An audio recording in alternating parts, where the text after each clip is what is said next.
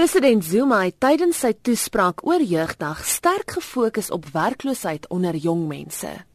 Fellow South Africans, our national development plan outlines the vision we have of a growing economy which must create jobs for our people. Ultimately, a growing economy is our most important solution against youth unemployment. We are going through a difficult period in the economy currently, which sluggish growth and also the recent downgrades of our investment grade as a country.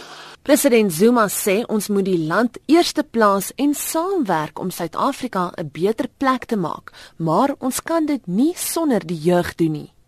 Government is also playing its part to empower young people and cushion them from the harsh impact of the economic situation through creating job opportunities, training opportunities, and also providing funding support for those who wanted to open businesses. President Zuma moedig entrepreneurskap onder die jeug aan.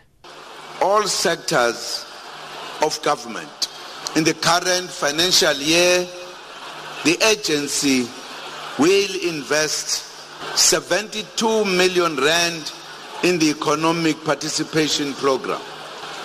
18,000 young and aspiring entrepreneurs will receive business support services such as vouchers, the registration of new companies, mentorship, and training at different levels to encourage advancement of the entrepreneurship agenda. Hy sê die regering fokus op talle programme in verskeie sektore om vaardighede by jong mense te ontwikkel en opleiding aan hulle te voorsien.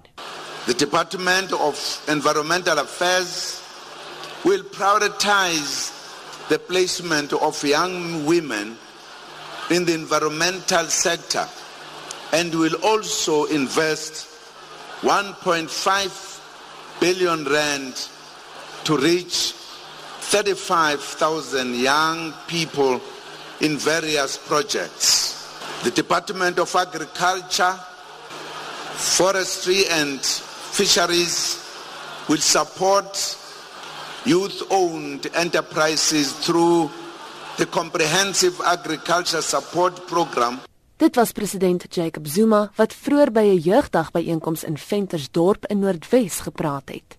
Ek is Dianke Nel vir SAK nuus.